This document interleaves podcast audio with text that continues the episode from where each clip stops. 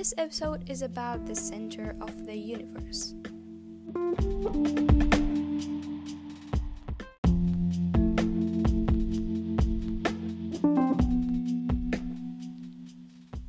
Have you ever wondered when did we find out about the sun is at the center of the everything and how? It all go back through uh, its early history.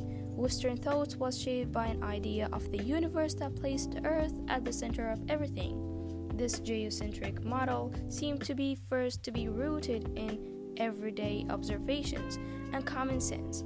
We do not feel any motion of the ground on which we stand, and superficially, there seems to be no observational evidence that our planet is in motion. Surely, the simplest explanation was that the sun, moon, planets, and stars were all spinning around the Earth at different rates. This system appears to have been widely accepted by the ancient world and became entrenched in classical philosophy through the works of Plato and Aristotle in the 4th century before Common Era.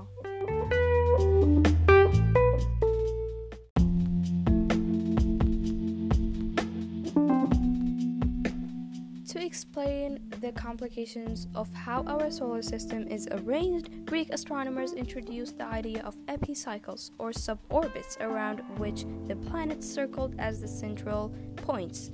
This system was best refined by the great astronomer and geographer Ptolemy of Alexandria in the 2nd century CE. Even in classical world, however, there were differences of opinion. The Greek thinker Aristarchus of Samos, for instance, calculated the relative distances of sun and moon in the 3rd century BCE. He found that the sun was huge, and this inspired him to suggest that the sun was a more likely central point for motion of the cosmos.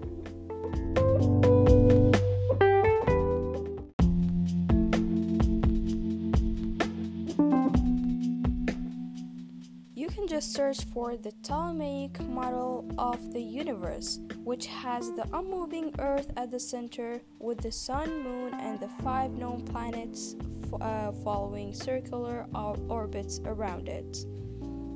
However, by this point, the Ptolemaic model was becoming absurdly complicated, with yet further epicycles added to keep the prediction in line with observation.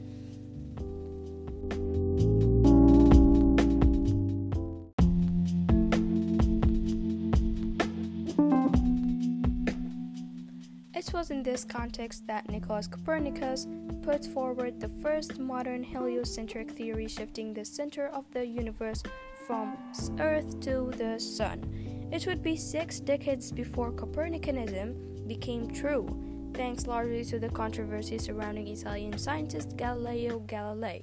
Galileo's 1610 observations of the phases displayed by Venus and the presence of moons orbiting Jupiter convinced him that the heliocentric theory was correct.